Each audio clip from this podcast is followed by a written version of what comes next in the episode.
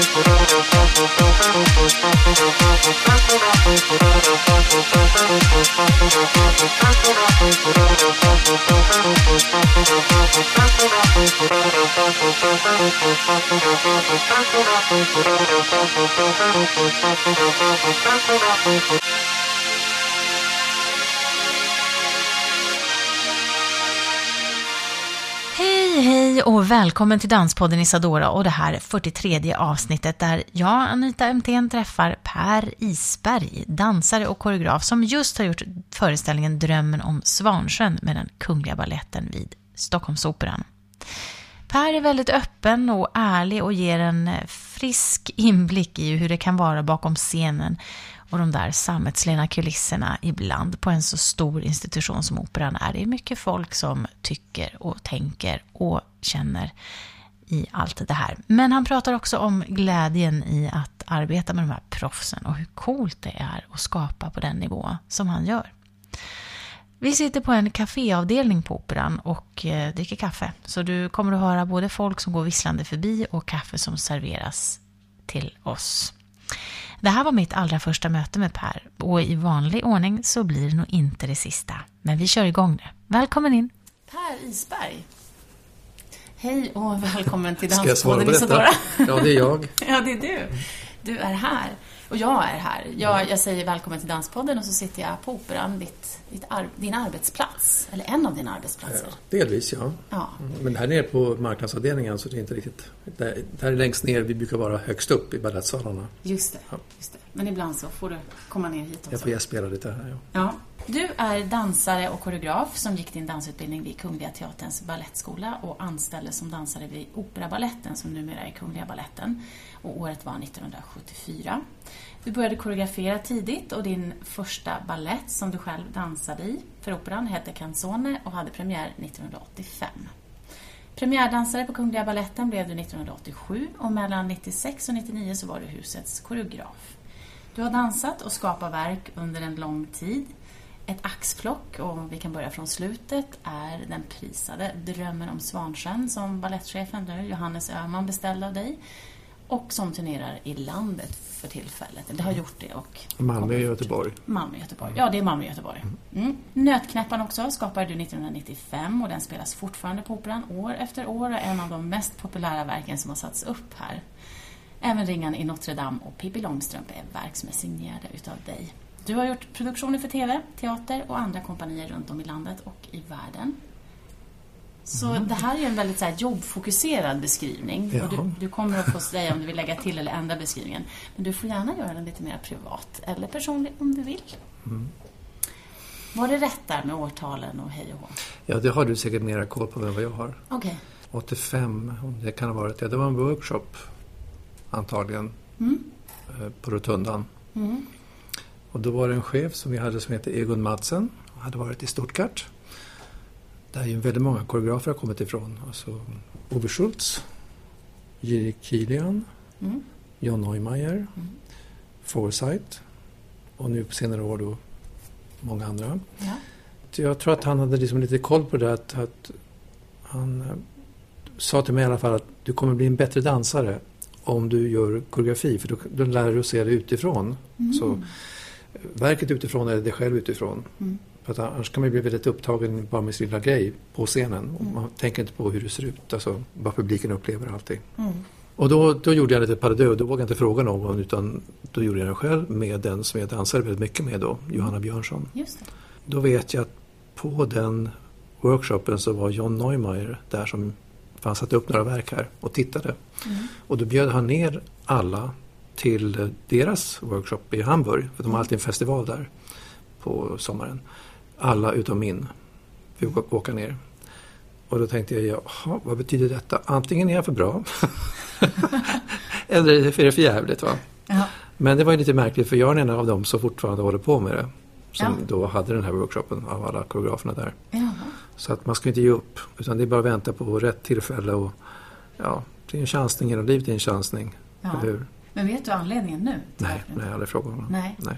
Men det här med att Lite pinsamt. Det spelar ingen roll, det var lite lustig anekdot sådär. Men... Ja, ja. Men, eh, men det här med att koreografera när man själv dansar och så, det är inte så självklart, eller hur? Jag tror att det tar sån tid så man har inte riktigt ork att uh, gå in och skapa. Mm. Jag förstår inte de här som är både ballettchefer, dansare och koreografer. Mm. Vad är de gjorda av? Nej, men man måste fokusera. Men sen man sig förstås att det finns vissa perioder där man kanske inte är helt upptagen hela dagarna av dansen. Mm. Då kan man ju liksom smyga in och gå in i salen själv med lite musik och sådär och prova sig fram. Mm. Det är nog bara bra att det finns att man... Men jag menar, alla är ju inte kreerande på det sättet. Man kan ju vara kreerande som dansare men då tolkar man ju någon annans mm. egentligen äh, verk. Mm. Och det är nog inte alltid bara att man dansar att man är kreatör. Nej. Det är två olika saker egentligen. Ja, jag pratade just med Johannes Öhman om det. Mm. Eh, och varför han inte hade koreograferat och så.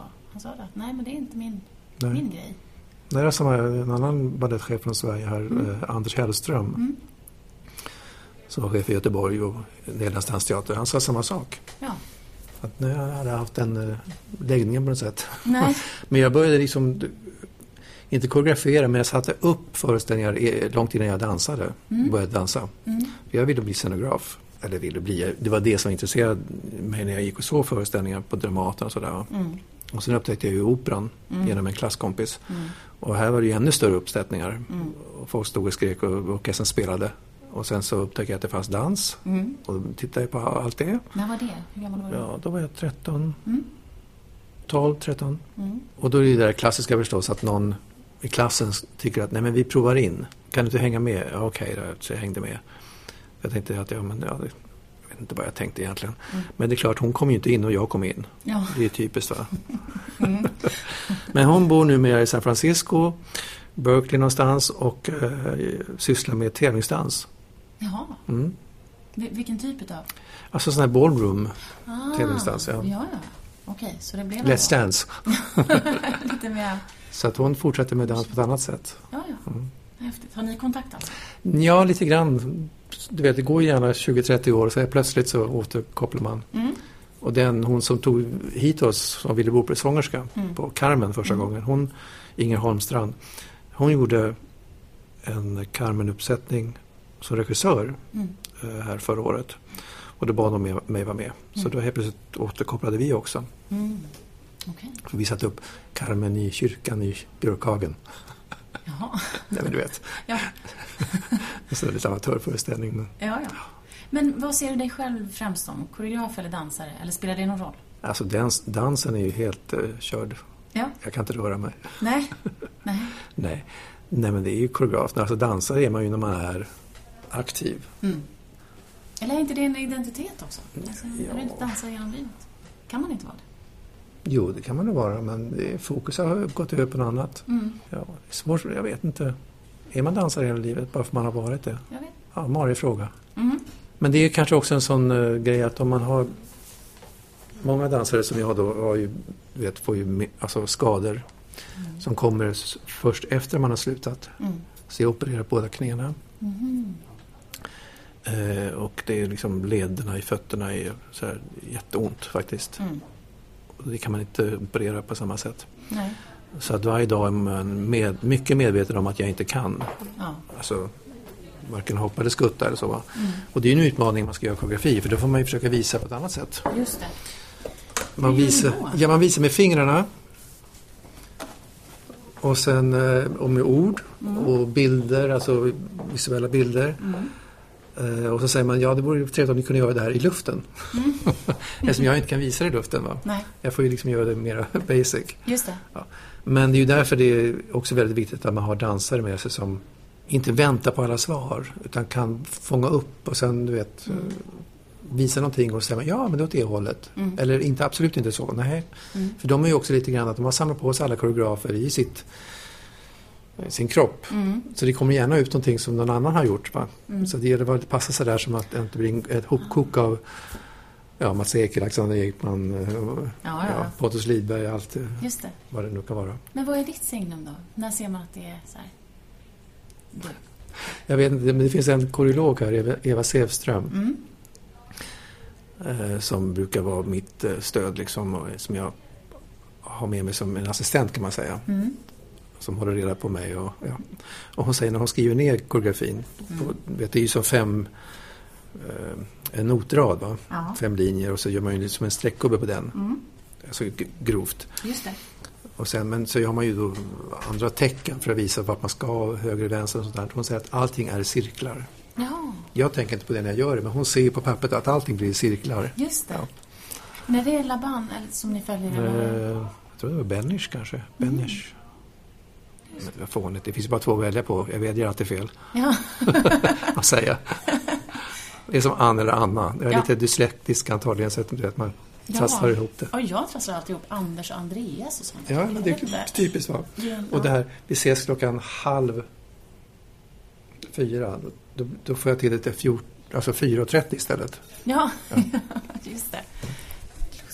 Kan man använda det på något sätt? Det kanske är en styrka? Nej, men det tror jag, det, det är därför man hamnat i dansen. För där behöver man inte hålla på och förklara så jäkla mycket. Nej? Där är det känslor och slabang. Nej, det är ju tolka musiken och går ju, den går ju rakt in. Va? Man behöver inte hålla på och räkna så jäkla mycket. Nej. Men det är klart, man måste ju planera en uppsättning och veta hur många man har ska vara med och sånt där. Mm. Men det är en annan sak. Det är, det är mer lustfyllt. Men måste man kunna prata om dans då? Tror du? Jag tänker att idag så känns det som att man måste det. Men Folk vill veta, folk vill... Ja, folk vill gärna förstå och Ja. ibland är det ju faktiskt så att man behöver inte förstå allting. Ja. Varför måste man förklara allting? Varenda detalj i historien och framförallt när programmet säger precis det man, vi kommer se. Ja. Jag menar, det blir ju som kaka på kaka. Mm. Eh, det var någon häromdagen som faktiskt sa, men ska vi inte börja med eh, text Mm. till balett? Ungefär som man har på opera, man har en översättning, alltså surtitles. Och jag har inte varit emot det, för det är väldigt mycket man inte fattar. Nej. Men frågan är, vad händer då? Ja. Mm. Kommer det framstå så väldigt töntigt. Det är inte direkt Shakespeare va? Nej, just det. Alltså orden. vi Ja, kan ja. ha Shakespeare i rörelserna, men det är inte de vi översätter, det är liksom orden. Ja. Du och jag, vi älskar varandra. Mm. Men om man då gör det på mimsätt, då pekar jag ju på dig och så pekar jag på mig. Mm. Och så kanske två händer mot hjärtat. Ja, något sånt där, jag. Det är det man ska fatta då i mim. Mm. Just det. det. som vi säger. Men är det det man ska översätta? Jag vet inte. Nej, det skulle bli mycket så här, du ska dö, Ja, jag ska slå dig, det ska göra ont. ja, just det. Du är din, du är din slampa. Det skulle bli mycket sånt.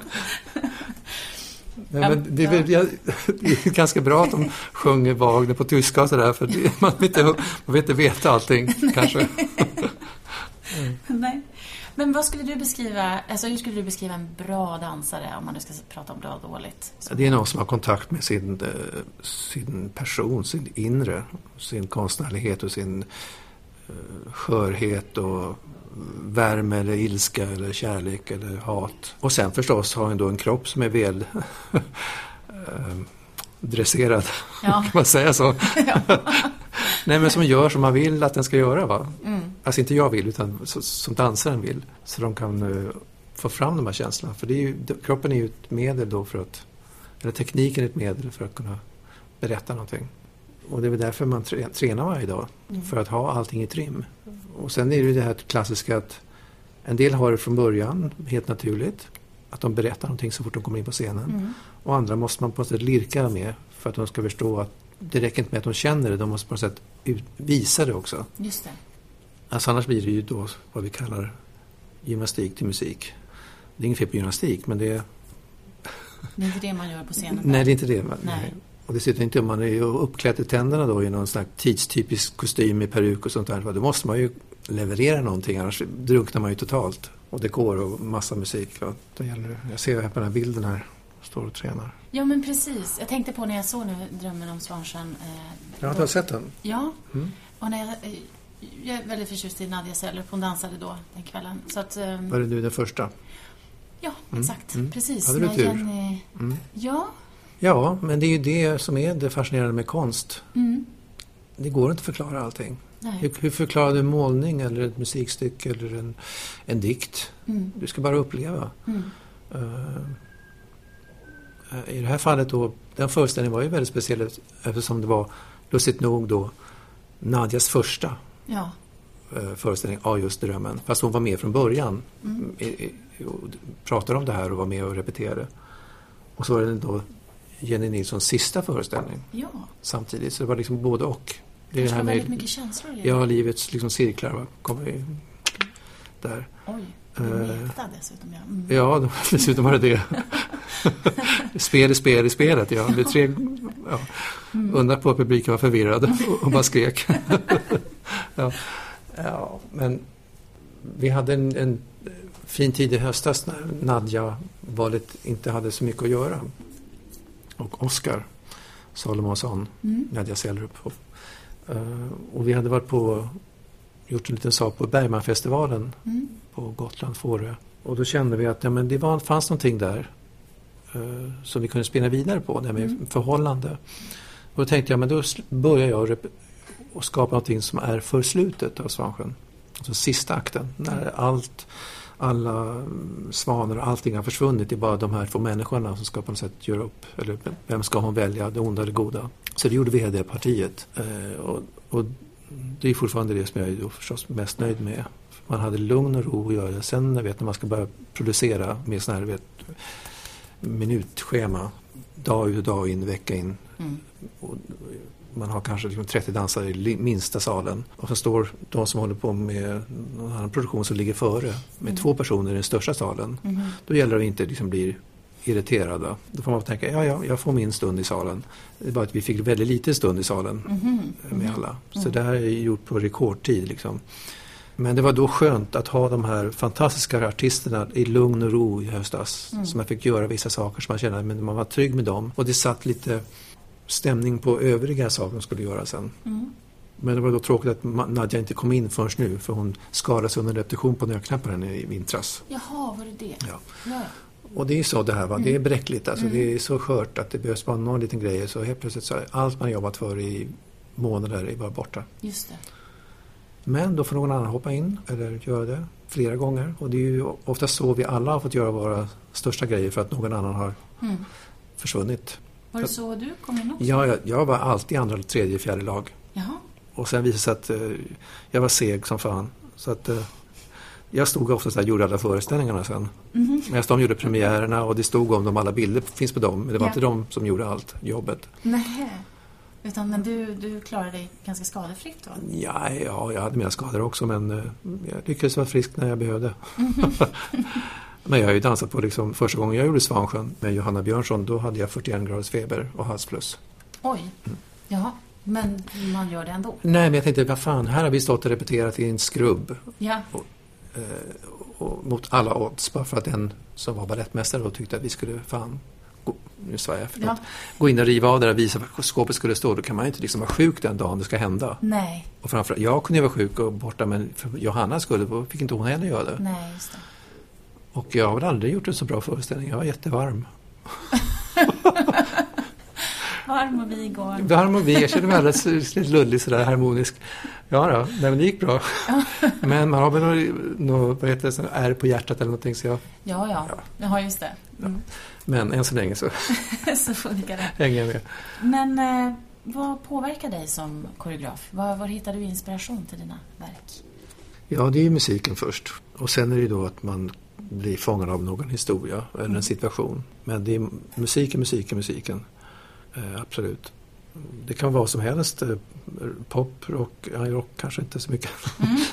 och så klassiskt då. Mm. Eh, jag kommer ihåg när jag fick min första klassiska skiva av en, en min mammas bror mm. som råkade vara musiker i mm. Hansson och Karlsson. En sån mm. legendarisk grupp. Tänkte mm. jag inte på då förstås. Fick jag Scheherazad Rimskij-Korsakov. Och det är liksom från, gå från Tore Skogman till det. Det var ju liksom lite extremt. Men då insåg jag att herrejösses, vad är det här? Det här öppnades ju liksom enorma bilder och portar mm. om mm. livet. Och, mm. ja, det var nästan skrämmande faktiskt. Det här, liksom, det här intensiteten som ja. den musiken hade. För en ung människa då som inte hade hört något liknande. Så att då började, ja, sen var det väldigt mycket Beatles väldigt mycket film och sånt där. Så mm. man, jag såg allt. Uh, så det var väl man var, tyckte om de här kreativa ja, sakerna fick se. Mm. Effekterna av dem. Men du är fortfarande också väldigt involverad i kostym och i, scenografi? Och ja, så. jag tror att uh, man vet vad man vill ha egentligen, mer eller mindre. Antingen gör man det själv. Eller så försöker man få dem man ber hjälpa till komma in på ett spår som man tycker är liksom, man styr det så här fint va. Mm. Nej men de måste göra sin grej. Eh, och sen måste man också då eh, stiga undan och låta dem göra sin sak. Mm. Men det är klart, det, kan, det händer några saker nu med Svansjön här, med Jerome Kaplan. Mm. Eh, han är ju, jobbar överallt hela tiden så han kanske inte alltid hinner bottna och landa i allting, i alla bitar. Och då var det några saker som jag kände, nej men det här, det här känns inte riktigt riktigt. Mm. Och det var just huvudpersonens träningskläder, något så mm. fånigt va. Det såg ut som en, eh, det var för snyggt helt enkelt. Det var för designat och såg ut som en modell från Paris. Mm. Eh, hon skulle vara som en liten grå mus nästan där. Ja. Eh, klädd som alla andra. Mm. Men hon stod ut som en liksom, juvel och då tänkte jag men det här det är inte bra för historien. Och då var han ju stor nog för att tänka ja men om du känner så och du har nog rätt. Att, eh, mm. så, så ändrade vi det sista veckan bara. Ja, ja kläderna var ju helt... Ja. När hon är på den där balen eller i rotundan och så. så. Mm. Den lilla blåsan där med ja, rosetten på stjärten. Den vill man ju gärna se mer utav. Ja, jo, det, men det var ju det. Skulle hon ha den hela akten och då blir det här, så det här standardbalettnumret, Svarta Svanens pas de mm. som brukar vara då när man ser benen, skulle varit helt inlindat i denna kostym. Ja, det. Och det kunde man ha gjort. Men då kände jag, nej men det är lite grann att de kommer in på den här festen och sen ska de spela honom ett spratt. Vara lite elaka och då är hon ju, nej men jag är ju din svan. Vi har ju förälskat oss här nu på scenen och i historien. Mm. Alltså bakom, fast hon har egentligen varit bedragit honom. Ja, ja. Mm. Eh, och då tänkte jag, men för att visa att hon har en, en, annan sida av sig då så ska hon väl ha den svarta svanen på sig då. Mm. Så hon går ut och byter för att visa att det här är ett nummer, det här är liksom en grej. Jag kan inte säga att det är helt rätt. jag hade gärna sett den där blåsan ja. som är snygg. Men det är ju en klassisk sån här Hollywood eh, om du tittar på Sid Charisse eller sån här va, i de här musikalfilmerna ja, med Gene Kelly och dem. Ja. Så är det den looken. Verkligen. Så det är liksom en blandning av mm. American in Paris, där är det en massa människor som kommer fly, utflygande från operan i något sånt här fantasinummer. Där ja. har de sådana. Ja. Det är... Och det är den enda tyllen i hela föreställningen. Mm. Ja, det är också lustigt. Mm. För det är ju det är ju en tyllig föreställning. Ja, man tror det. Ja. Ja, många alltså, tror det här också, men det är det inte. Nej, det är inte. För kläderna som svanarna har, det är mm. byggt på ett, eh, en slags origami-teknik. Mm. Så det, det, är som papper. Oh, och så är den vikt då, fast de har ju gjort en... Ja. Det är slicear så här istället. Så, ja. för jag vill inte ha några de här, de här gamla attityderna. Nej, nej, nej. Jag vill ha någonting som skulle se lite mer nutida ut. Ja. Och, eh, det är en gammal historia, men man kan ju försöka få den mm. att lyfta lite grann. Mm. Har du, vad har du fått för reaktioner? Har du, har du hört någonting? Du, vad säger folk till dig? Ja, det... Marie Bergman, en designer, skrev ett sms häromdagen att tyckte just att fantastiska färger mm. och så. Det är väldigt eh, diskret skillnad på färgerna måste jag säga, men det finns väldigt mycket olika. Just mm. i den här tre, tredje aktens mm. Eh, festscen kan man säga. Nej, de var väl snälla, Mm. Någon tidning sa att det var tur att jag hade de här designerna med mig, annars hade det inte blivit någonting. Nej, tack. Folk tycker vad de vill och huvud, huvudsaken är att de tycker någonting. Ja. Tycker jag. Ja, men det är bra. Det spelar ingen roll om det är bu eller bär. Det är klart det är roligare om det, om det är omtyckt. Men, det viktigaste är ju att publiken som kommer applåderar och liksom har upplevt någonting. Ja. Och det är inte alltid man får reda på det, men en, en del säger någonting och stannar där och sådär. Sen de här de som ska tycka professionellt i pressen, de, det, är, det är en annan kategori. Ja, det är det. Och där är varenda jäkla ord som man tycker, vad, vad är det nu då? blir man ju upphetsad över. Va? Mm. Men man får inse att de har inte fattat någonting. och det är helt okej. Okay. Ja. För med det, ja, så ja. är det. Ja, ja. Vi uppfattar saker olika. Och mm. Bara för att de tycker att det är dåligt behöver det inte vara dåligt. Mm. Eller hur? Det är, bara de, det är deras åsikt om just den biten. Ja, just det. Om man har ett och sen är det intressant att nästan ingen pratar om koreografin. Ja. Det finns ju vissa bitar som är då, vi har öppet valt att göra som den gamla versionen. Mm. Alltså Lev Ivanov och uh, Marius Petipa. En mix av vad man säger. Ryssarna säger ju alltid att deras version är den rätta. Och i England säger man att deras version är den rätta. Och, och alla tycker olika. Men vi har valt att gå efter de ryska versionerna och gjort ett slags hopkok av det. Jag tror att det är som Bornon vill. Mm. Alla danskar säger att de kan Bornon vill. Att de har sin version och det är den rätta. Mm.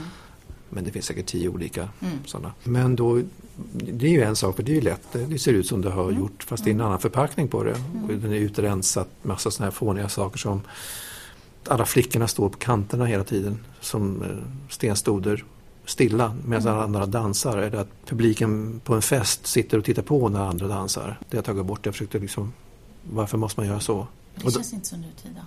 Riktigt. Nej, det känns lite... Man, det är inte det som är nej. grunden. Det är en gammal kutym på sätt. Och de här mm. karaktärsdansarna som alltid fanns.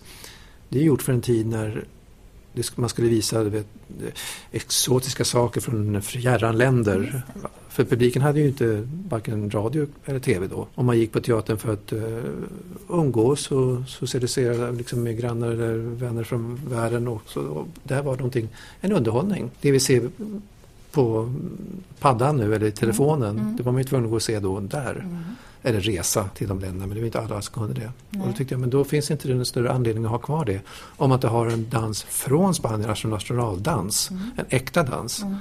Men musiken är ju en pastisch mm. på en spansk dans, så varför ha det? Det blir liksom, mm. Så då tyckte jag att nej, men då tar vi bort det. Då rensar vi det och det blir väldigt långt också annars. Tradigt. Massa sådana här saker som inte har egentligen med hela historien att göra. Och framförallt inte som den biten av historien som är då att prinsen egentligen, Sigfrid, blir presenterad för blivande, eh, en blivande fru. Så varje land kommer med ett sändebud med en trupp och då har de en representant av en kvinna som ska försöka gifta sig med prinsen. Men vi har ju tagit bort prinsar och prinsessor mm, och vanliga människor. Han råkar vara koreograf mm. och han spelar prinsen i en föreställning. Men vi är inte några kungligheter nej. på något sätt. Så då tyckte jag, nej men då, bort med det. Ja. Ja. Vi har bara behållit en, en av de dansarna, det är den ryska dansen. Mm. För den är så jävla bra. Och för att visa den här, han som då representerar den onda, de ogina. Han som inte vill någon något han vill bara bryta ner. Alltså, den andra kan ju skapa någonting, men den här människan kan bara rasera. Och det har vi ju exempel på här i huset. Folk mm. runt oss varje dag, det var som helst i samhället tror jag. Mm. Folk som, ja, tittar på dessa bombare mm. som bara vill rasera någonting. Varför då? Mm vad har hänt med dem? Mm. Nu jämför jag inte med det här föreställer en sån nej, förfärlig nej. sak men eh, Nej men, och, men, och, men det är ju också det lite lockande. Mm. Vad är den här svenska filmen? Richard Wolff kom på motorcykel. Ja, som, Änglagård. Änglagård ja. ja. ja, det är typiskt det här liksom, snubben är på hoj och läderjacka. Va? Det är mycket farligare, det är mycket, mm. vad är det för någonting, mer ja. spännande. Ja, det är samma här. Han har liksom ett sån här eh, showstopping number. Där han visar upp alla sina sidor. Jag vet inte om du tänkte på det. Och det är den ryska, egentligen ryska dansen. Ryska dansen mm. Med det fantastiska violinsolot i början. Ja, men det är väldigt mycket piruetter i den. Ja, ja, det ja, ja som jag sa. Runt, runt, runt. Ja, ja, runt. Ja. men man blir alldeles... man blir väldigt fascinerad. Ja, men hur snärjer en sån här människa in sitt offer? Va? Ja, och det är ju bara runt, runt, runt och inte släppa lasso. in någonting. Nej, ja, lasso eller vad som helst. Ja, visst, ja cirklarna. Titta på de här karlarna som går med sin flickvän håller om dem så här. Liksom som, det här äger jag. Just det. det är ju det. Så man gör. Och så det behöll du? Av den anledningen? Just att... Av den anledningen, för jag tyckte det passade honom, eh, hans karaktär. Just det. Skulle du vilja läsa mer om alltså, att man har förstått eh, Ja, men alltså man, man pratar om hur vi har gjort historien. Mm, mm. Uh, man säger att kostymer är bra och scenografin mm. är fantastisk och sånt mm. där och ljuset. Mm. Men så säger man om jag har lyckats kanske med att själva upptåget, uppdraget, alltså mm. upplägget. Men, men stegen är ju något annat. Alltså själva koreografin är ju faktiskt en annan del av det hela. Nej, man kan inte riktigt jämföra. Kan, nej, man jämför aldrig riktigt den, hur den flyter ihop med den gamla mm. biten då. Mm. Om det är en clash eller om det... Ja. I Sydsvenskan stod det faktiskt, vi var ju där nere nu då, precis kom hem, att det var polerat till perfektion någonting. Då tänkte jag, det lät nästan som något slags negativt. Får det inte vara det? Nej men om då 24 flickor, som det ju då traditionen är, ska vara de här varelserna mm. som gör då samma rörelser. Om de inte gör det samtidigt till samma musik med samma höjd på armar och ben och sånt där. Då blir det ju en jäkla röra. Mm. Då ser man ju ingenting. Om de gör allting väldigt unisont då ser man helt plötsligt liksom rörelserna på ett helt annat sätt. Det är som du tittar på ett gäng fåglar som kommer i formation och flyger över. Va? De, är, de är ju totalt synkade med sina flax och sina fötter och sina Mm. halsar och formationerna just hur de ligger i de här fantastiska liksom, triangelformationerna. Ja, ja, de här långa, långa linjerna, enorma, flera hundra meter långa. Hur fasen bär de sig åt? Nej. Ja, det är någon slags inbördes GPS och det måste våra svanar också ha då. och det är därför man måste repetera så länge, för att man måste känna in. Men det är ju vår tradition, Ja, så är det bara. ja. Och sen när man tycker det är det, eh, slipat till att det är, ja det blir för mycket, det vet jag inte. Men jag säger alltid det, visst ni ska göra samtidigt så, och vi har samma idé. Men era personligheter måste ju komma fram. Ni måste ju fortfarande leva med, med vad ni har att ge. Man kan inte stå liksom i en, linje och liksom bara tycka att allting är tråkigt. Det går ju inte va? Nej. Det måste vara en, hela tiden en, en vibrera. För man är på scenen. Och vibrera med era intellekt eller kroppar eller svett. vad som helst. Men det är, Men är inte det en fara ändå med att vara kårdansare och, och sticka ut för mycket? Jo, men du kan sticka ut genom att göra det fullt ut. Ja, med full inlevelse. Mm. Då, du frågade här, vad hände förr i tiden? Ja, Nej, men då stod jag just i Svansjön, jätteung, jätteny, längst bak i sista ledet i första akten. Jag var inte svan, men jag var ett bondpar eller sån här gäst eller vad man kan kalla det. Och jag hoppade högst av alla och så gladast utav alla antagligen. Så jag syntes ju. Och det var inte något dumt av det, för då, istället sa de, ja men du, du visar verkligen att det här är på riktigt. Så att vi ger dig en chans att du får göra det där lilla solot där istället. Inte istället, men också. Och det var ju för, för att jag gjorde liksom, alltså känslan för, för formen, för konstformen, det var genuin. Det verkligen var kul. Jag tyckte alltid det var roligare att vara med i gruppen för då fick man vara med varje kväll. Sen när man blev solist och premiär så då var man ju med kanske en gång i veckan eller en gång i månaden. Ja, för det finns det. du vet, det flera lag då och det finns det. andra som är före. Så det kommer jag ihåg just när man stod där bakom huvudrollerna i Svansjön. Nej, premiären, så varför då? Nej, nej, nej. Gruppen, det, där är man ju med jämt. jaha. Det, det var kuligast. Ja. Men har du uppnått dina drömmar? Vad hade du för drömmar när du tidigare? Har du uppnått det du ville? Ska du bli gråtmild eller? Har jag uppnått mina drömmar? Ja. Ja du, jag kan säga det att det tror jag jag har gjort. Ja du. Vad va, skönt, vad härligt. Nej men alltså vem trodde man skulle få göra det här? För det första dansa, fantastiska verk, am- fantastiska koreografer, uppsättare från hela världen. Turnerat runt hela världen när man var i gruppen. Sen blev det, kom det en chef som inte ville ha mig här. ja, då ordnade den tidigare chefen ett jobb i Peking med nationalbaletten där. Så helt plötsligt var jag där och gjorde saker. Som skapande då, som koreograf. Mm. Efter att ha slutat dansa själv. Så det funkar ju det också. Det helt plötsligt rullade det på. Att, eh, nej, jag satt där i pojkrummet när jag var liten och byggde liksom dekor och sånt där. Och Mm. pjäser. Mm. Hans Christian Andersens Svavelstickorna, Flickan med svavelstickorna var det första jag gjorde tror jag. Jaha. Och köpte modeller på hobbyshopparna här i stan du vet, och byggde och hade med. Mm. Och satte ljus med ljus. Ja. Höll på att bränna upp hela lägenheten förstås. Eh, och så är det precis egentligen det jag står och gör nu. Ja. Varför påverkar den, förlåt jag måste bara säga, varför påverkar den där historien så? Jag höll på att brinna inne i en, en liten koja som jag och min Jaha. kusin, vi satt och lekte just Ja. flickan med svavelstickorna. Och märkte inte att vi hade tänt på liksom och höll på. Brinna. Ja. Ja. Nej, min bror kom in i köket och var väldigt tyst. Ja. Han sa ingenting. Först vi började känna, nu luktar det lite konstigt här. Han blev så skraj för att det skulle vara hans fel. Ja. Han sa ingenting. Så där stod vi. Med brandkåren och mormor i hallen och var riktig soppa. Men det var bara en IKEA-hylla som jag hade använt som teater så det var inte så farligt. Jaha. Lite renovering bara sen. Ja. Ja, just det. Nej, men Nej, men det är otroligt vad den påverkar. Mm. Eh, och, men den har du satt upp, ja, i... Ja, i Köpenhamn I faktiskt. Köpenhamn, eh, ja. För några år sedan så hade de ett eh, Hans Christian Andersen-jubileum. Mm. Samtidigt gjorde Neumeier, John Neumeier från Hamburg, balett, han, chefen där, han gjorde ehm, eh, Lilla Sjöjungfrun. Mm. Eh, Så det var ju redan upptaget. Det, Mm. det behövde inte jag göra för det stora jubileet. Men jag, hade med, jag gjorde någonting för skolan. Och då tänkte jag, men danskarna kan ju sin Andersen. Så jag, behövde- jag gjorde bara liksom små liksom nedslag i olika historier. Den där en av dem.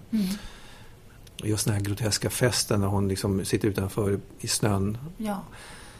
eh, och fryser och har ingenting att äta. Och hon hör och känner matdoset från fina familjen i fönstren där i huset. Va? ja.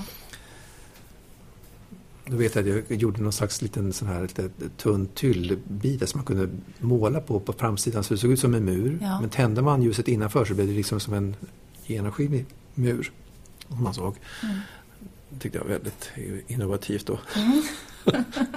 Men nu hade jag, alltså det är så tacksamt med, med, med ungdomar också.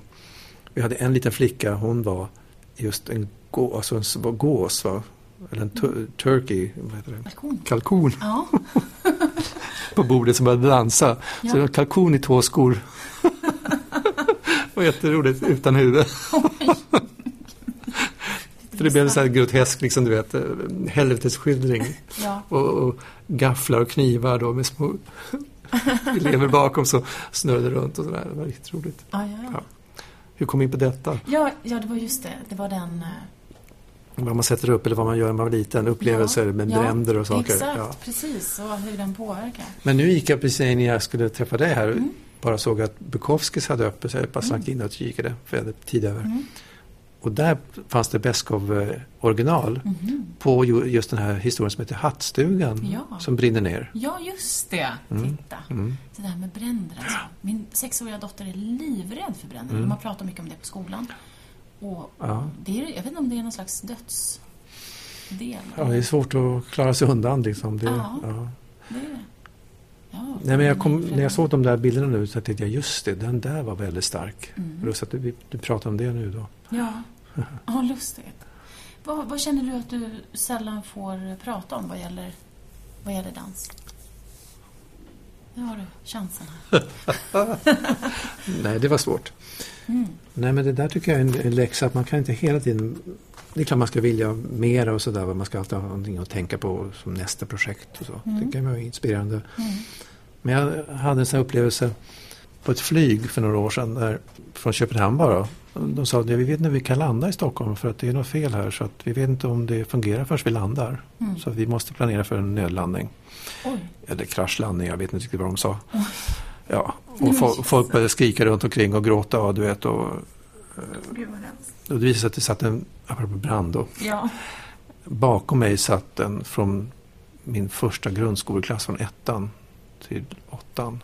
Ja. Med familj bakom. Mm. Det var också lite märkligt. Sådär. Och framför satt en kändis med väninna och de bröt ihop totalt. Mm. Men jag insåg att jag blev, blev inte... Jag blev lugn. Kände, nej men jag har ingenting att klaga på. Nej. Jag har gjort allt mer än vad jag någonsin kunde ha önskat mig. Ja, då var jag frisk. Ja. Innan alla byten av knän och sånt där. Ja. Nej men det, så jag tyckte nej, jag har inte mage att tycka någonting annat. Att Mm. det, är, det är utanför min... Jag kan inte göra någonting åt det. Nej. Det är bara att hänga med på resan liksom. Ja. Och sen när vi skulle landa då, man inte visste hur det skulle gå och alla satt nog nedböjda och sådär i Mm, kraschställning och sånt där. Så nej, jag tror jag vi var med om det här så jag kikade upp för att se när vi skulle möta marken. Ja. Och det gick ju bra så småningom. Just det. Men det var just den här upplevelsen att man inte fick panik Nej. och inte kände varför, varför just jag och, och du vet, Nej. det var allt jag inte har gjort och allt sånt Ja. där. Nej, försökte vända det till något positivt. Och det har nog hängt med sedan dess. Att eh, hur många får göra sådana här grejer? Ja. Sätta upp någonting på Operan med Kungliga Teaterns ballett Ja. som är en dröm eh, som man kan ha. Mm. Som är precis blir verklighet Mm. med alla som jobbar för det här. Eh, det är flera hundra människor som har på i, liksom, i månader. Mm. Alltså, varför skulle min dröm vara relevant? Mm. Det där har jag ofta frågat mig. Mm. Varför, varför, varför ska jag göra det? Kan Mm. inte någon annan göra det istället? Nej, men jag tror att vi har olika behov av att hävda oss. Jag tror inte Mm. riktigt jag har det på det sättet. Det, det är lite mer smygande. Mm. Men som jag förstår det så vill man verkligen arbeta med dig som dansare. Vem har sagt det? Ja, men det är den allmänna... Nej, jag vet Allmänna. inte. Nej, det där verkar som det är några få som har sagt. Det har jag ingen aning om. Nej. Det är väl fantastiskt att de tycker det är inspirerande men det är kanske för att jag ger dem frihet att, att vara skapande själva. Mm. Skulle jag hoppas att de skulle säga. Jag tänker att det är svårt att vara kvar och få arbete, alltså om man, om man inte någonstans, alltså om inte dansare till exempel känner att de utvecklas med en koreograf och liknande. Mm. Man kan ju inte hålla sig kvar med någon slags, i något skräck. Nej, nej, men det finns nog både och här. Ja. Alltså, jag är bara en del som kommer Mm. och går här. Men jo, jag tycker det finns några som man undrar med vilken århundrade är de födda på? Mm. Det är hugg och slag. Oj, Ja, I don't like you. Next. Du vet, innan man knappt har liksom rört på sig. Oj. Det har jag varit med om också. jaha. Det har ju med några sådana delar här i, i den lilla audition som vi har i första akten i Just det, Svansjön. ja. Folk som inte har gjort något fel och de här som gör jättebra. Mm. Men, men varför- fick de inte rollen? Nej, för att nej, de passar inte. Nej. Ja, de, jag vill inte ha det riktigt där va. Nej. Det, det, man känner det när man sitter och tittar på sin telefon där. Ja, men det var ett sätt att visa att de inte egentligen har en lust att vara där. De Nej. måste vara där. Ja, Och sina paddor. ja, Och vi visste inte, ska vi ha det? För att det finns ingenting som blir så omodernt så snabbt som en modern grej. nej just det. Nej. Men vi valde ändå att, eh, och jag tror att för, kanske publiken känner igen sig mera. Sen får man byta ut det kanske framöver. Ja, det är möjligt. Ja. Ja. Men, men eh, det är ju ett hopkok av saker jag har liksom upplevt här i huset Mm. under alla år. Folk som, när det heter kommunikationsavdelning, Mm. då undrar jag varför kommunicerar de inte Mm. med oss uppsättare eller oss dansare? En sån enkel sak. Mm. Jag har också haft eh, premiärdansare som jag har, eller alltså äldre kollegor som jag har sett upp till. Mm. Som har mobbat varje dag genom att säga ja, men du kan inte stå där för jag ser dig. Om jag tittar mig själv i spegeln så ser jag dig bakom mig i spegelbilden. Kan du vänligen gå till andra sidan salen? Men, Ja, men vi står ju alla där ja. i samma spegel. Va? Vi är Ja. liksom 30 pers. Nej, då skulle jag gå till andra sidan för han klarar inte av att se mig varje dag bakom sig. Det var liksom en, varje dag en ständig sån här Men är det mycket mobbing i den här branschen? Eller tror du att det är så överallt? Nej, men det finns, det räcker med några stycken va? och så Ja. blir det den eh, så. Eh, Och det försöker jag ju visa det på några ställen Ja. här då. Jag kunde ha gjort det mycket grövre självklart va. Mm. Eh, Och inga namn förstås. Nej. Men, men, och det är samma sak idag. Det finns några stycken som har väldigt svårt för andra. Ja. Och då visar de det på extremt otrevliga sätt. Jag tycker ofta att man hör det just från framgångsrika personer så hör man att det har försiggått väldigt mycket mobbing. Men Mm. handlar inte det om den här osäkra, de här osäkra personerna som måste, som ser någonting som, som de inte Jo, men innan man har fattat det Mm. så blir man ju väldigt, väldigt drabbad. Ja, det förstår jag. Och sen nu när man är äldre, Mm. mycket äldre, Ja. så kan man ju se, förstå, jaha, ja, men de var ju hotade. Mm. De känner sig hotade Mm. av någon anledning. Mm. Och så blev de elaka. Mm. Hur gör du när du ser det idag? Ja, det är jättesvårt att göra någonting åt de där sakerna. Ja. Jag försöker att inte sätta ihop de människorna med varandra. Mm. Så kan jag försöka då göra en miljö där eh, man försöker eliminera det så mycket möjligt. Men jag Mm. tror att det, främ, det- jag har gjort i den här uppsättningen är att inte ha dem tillsammans Mm. i samma sal samtidigt. Mm. Det har ju hänt att de måste det och då, då märks det direkt. Och så har jag förstås pratat med balettchefen om det, om, om hur vi kan göra. Mm. Mm. Vad, man, vad han kan säga Mm. när det har hänt saker. Mm. För det har det gjort. Men Mm. eh, ja, så verkligheten överträffar alltid fiktionen. Det är intressant hur det alltid går. Man behöver säga det. Ja, alltid värre. Kan du ge något exempel? Nej, Nej. därför måste jag liksom gå in på, då, då förstår folk vad, vem de är och sådär va. ja, ja. Eh, Men så det är så? Ja, nej, jag fick en utskällning häromdagen av någon från tekniken. Mm. För jag råkade nämna någonting som gick fel. Och om det går fel igen så gör helst så här. Mm. Och då hade jag varit oförskämd och haft- en ton som inte var rätt. Ja, men jag hade ju rätt. Mm. Att det var ju, gick ju fel. Va? Mm. Så det kan hända att man kommer upp efter en, i en paus att man är lite andfådd och man säger någonting i en högtalare och då kanske man gör det lite för högt och då låter det otrevligt. Mm. Men det hade ju räckt att bara säga nej men det lät otrevligt men vad var egentligen problemet? Mm. Ja. Mm. Istället blev det en mobbing, en översittarstil, här macho Mm. och det slutade med att vad gör du överhuvudtaget här? Mm. Du är inte anställd längre, du har gjort din föreställning, du ska överhuvudtaget inte vara här och kommentera någonting. Mhm. Och då tänkte jag, jaha, nedplattad, tillplattad igen då. Mm. Men, Ja.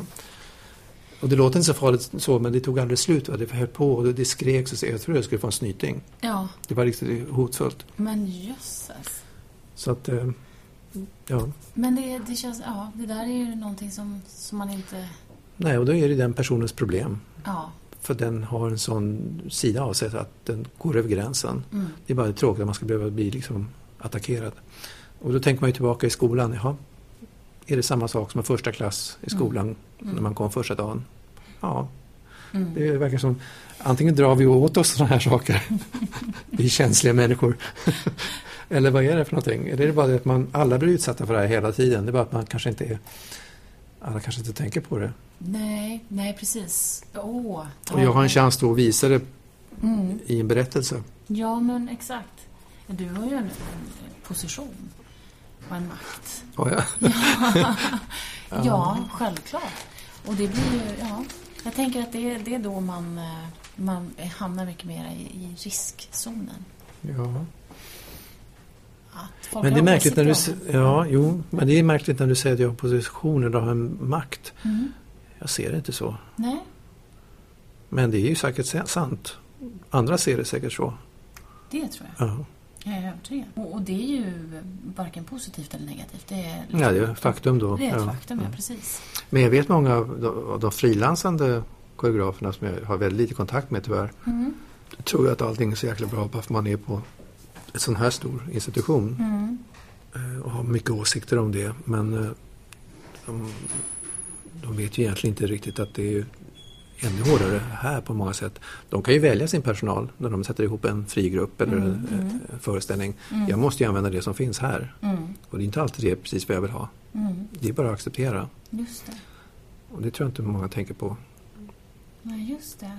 Men Att man, att man liksom har allting bara förspänt. Va? Det är ju Mm. inte alls så. Nej. Sen finns det fantastiska resurser och mycket duktigt folk. Men, eh, Ja, Just det. men jag måste ju också förhålla mig till sammanhang. Ja. Då kanske jag är lite för väluppfostrad för att göra det. Det är klart jag skulle kunna gjort något, något helt annat. Riva alla väggar. Men då, då kanske jag ska göra det på något annat ställe än just här. Mm. Mm. Ja, men det vet jag att frilansande koreografer har sagt just att det är en fördel med. Mm. eh, Men, men det finns ju alltid för och nackdelar. Mm. Men just att kunna välja Mm. på ett annat sätt.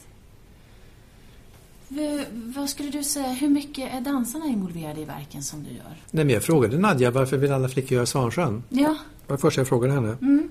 Jag bjöd henne på Grand Hotels bar. Mhm. tänkte jag, nu kommer vi igång. och det första hon sa, "Ja, men jag har aldrig velat göra det.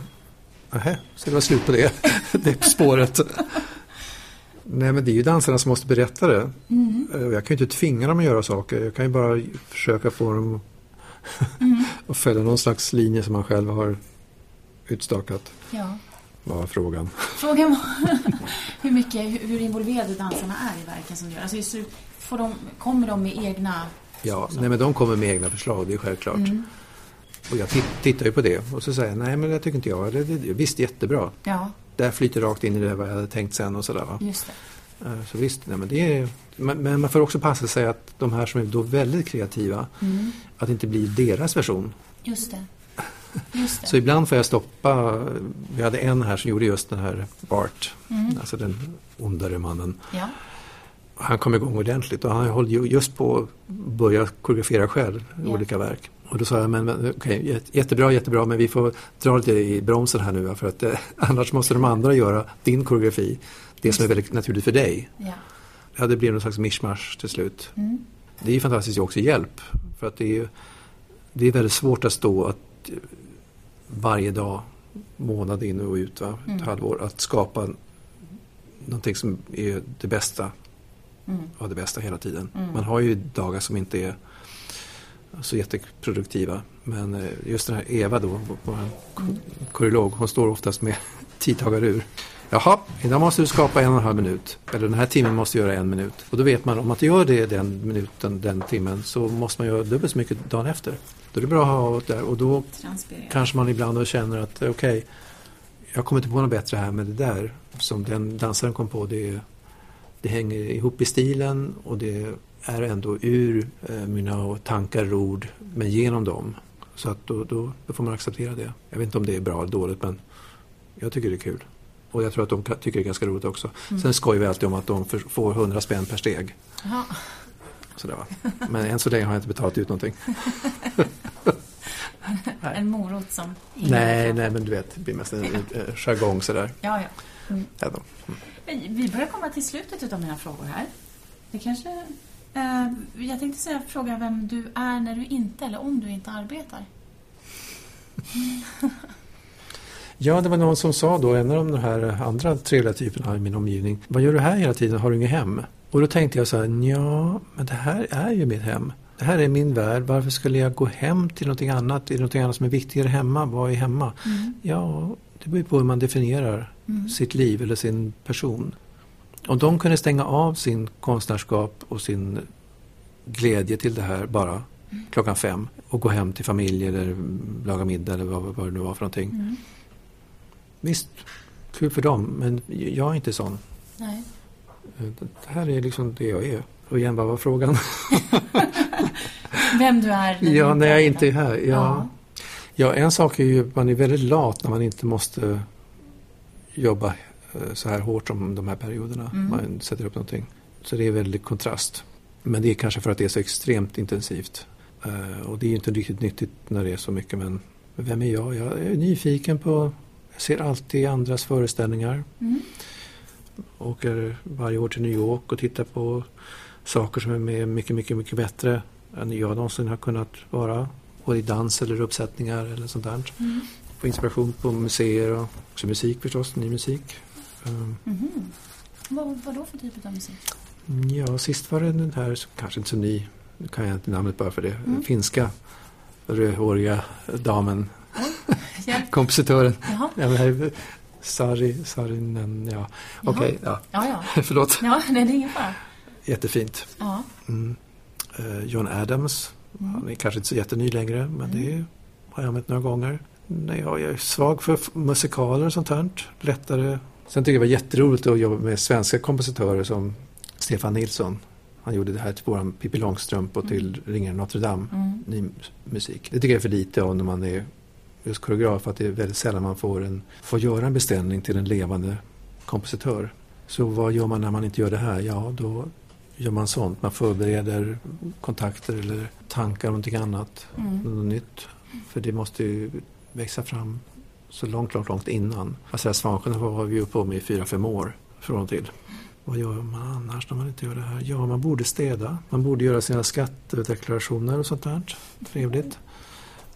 Men det måste ju alla göra. Det där, ja. ja. Mm. Nej, man blir nog lite upptagen av sitt på något sätt. Mm. Det är svårt att göra, vara bra på allting samtidigt. Vad gör du härnäst? Kommande projekt? Måste, jag någonting härnäst? Nej, härnäst, vi har inte satt igång någonting, eller jag har inte satt igång någonting direkt.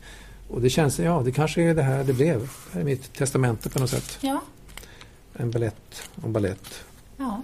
Och ja. mig själv kanske. Mm. På vissa delar, i alla fall bitar av någon slags liv inom de här murarna. Um, men det är kanske alltid så man känner efter en stor grej, att man bara vill göra ingenting. Ja. Kan du göra det då? Kan du bara så här, ta ledigt nu? Ja, ja. Inte... Det kan jag göra, men det krävs ju oftast någon sån här liten uh, händelse som gör att man inser att nej fan, mm. nu går jag åt andra hållet. Mm som någon som beter sig illa. Mm. Det kanske är bra det. Ja. Jag var inte här på några veckor. Nej, vi håller, jag håller på med en liten grej bara för egna tankar och det är Bergman-jubileet eh, eh nästa år. Men det är inte det att jag kommer göra någonting just under det året men det har eh, väckt lite tankar om några titlar han har gjort film av. Och i och med att jag har fått lite kontakter med Ingmar Bergman Jr. så kanske man kan få möjlighet att få rättigheterna till att göra för det är alltid svårt just att få rättigheterna. När vi gjorde Pippi Långstrump så fick vi faktiskt rättigheterna att göra ballett av det. Av Astrid själv. Ja. Innan hon gick bort. Det var Madeleine Onne då, dåvarande chefen som var smart nog kan man väl säga då mm. att försöka få det. För det är alltid lättare från eh, den riktiga huvudfiguren så att säga. Ja, ja. Än efterlevande och sådär. Det blir oftast lite krångligare. Men här skulle vi kanske kunna göra någonting. Men då skulle jag vilja ha svensk musik. Eh, och så är det en komedi. Mm. Men med par i förveckling. Mm.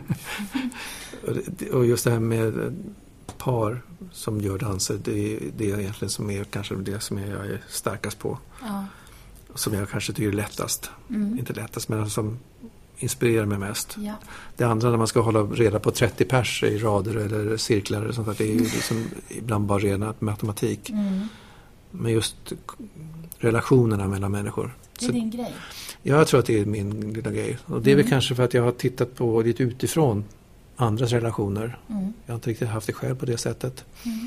Och mina föräldrar bodde inte ihop. Mm. Så jag har sett liksom relationer mellan människor på lite utifrån runt hörnet. Mm. Mm. Ja, jag vet inte om det är någon anledning. Någonstans kommer det väl ifrån. Nej, men så det skulle vara kul om det kunde bli någon sån sak i framtiden. Men det får vi se. Det låter ju bra. Det låter som en bra... Vi rappar ihop det hela med det också. Ja, vi får väl se då. Spännande. Du kan återkomma om några år och säga jaha, det blev vad vi trodde. Nej, men en komedi med Bergmanska tecken. Ja. Och så ett Under en, några par ja, som i förveckling. Ja. Jag tror i originalhistorien finns det både skådespelare och dansare med Mm. i den här kavalkaden av karaktärer. Mm. Mm. Eh, Och det är under sommaren. Mm. Men jag tyckte det var den värsta perioden, för det var ljust hela tiden. Jag tyckte allting avslöjades när det var ljust. Mm. Kanske därför jag tycker om teaterljus, man kan stänga av ljuset. Men tack så hemskt Mm. mycket för din tid. Okej. Eh, och eh, hoppas vi ses. Jag hoppas vi får ihop någonting av det här. Wow, du har lyssnat igenom poddavsnitt 43 av Danspodden Isadora med Per Isberg. Hur härligt som helst. Vi som gör den här podden heter Niklas Reimertz och så jag Anita MTN. Och vi håller på med våran tvåårspodd nu, för i två år har vi snart funnits. Och eh, har du tankar, har du idéer, har du önskemål så vill jag inte att du tvekar att höra av dig. För vi finns. Det är bara att hugga tag i oss och berätta eller fråga. Har du tips på böcker, serier eller låtar, kanske en lista som du vill ge oss, så tycker jag också att du ska skicka in den till oss. Det är ju sommar nu, varför inte? Men nu så tänker vi dra till Amsterdam över helgen, så följ oss där. Hej då!